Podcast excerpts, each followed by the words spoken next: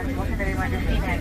Please remain seated with your seatbelt fastened and all of your luggage stowed until the captain has brought the aircraft to a complete stop at the gate and turned off the overhead vents and seatbelt signs. Die toekoms van vlugvermaak het al reeds jare gelede begin verander, maar in die toekoms kan ons kyk na nuwe dinge wat na vore sal kom.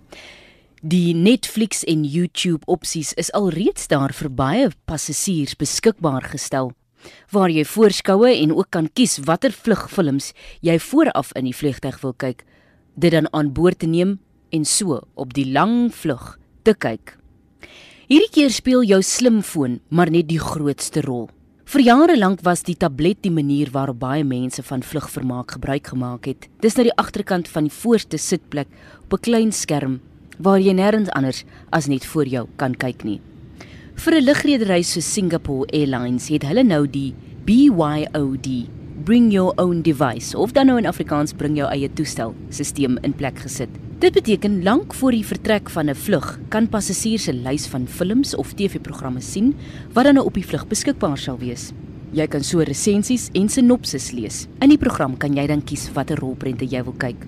Die Chris World toepassing is ook 'n gewilde een deesdae waar passasiers 'n digitale weergawe van die vlugtydskrif kan aflaai, die bewegende kaart of navigasieskerm. Air Canada wil graag hê dat passasiers 'n fliek of TV-program regstreeks van die vermaakstelsel op die vliegtyg na hul slimfoon of tablet oor 'n Wi-Fi netwerk in die kajuit kan stroom. Hulle noem dit hulle dinge regtig waar wil verpersoonlik. Hulle noem ook om draadloose vermaakstelsels en programme in die kajuite te hê is wonderlik, maar wat passasiers regtig wil hê is Wi-Fi.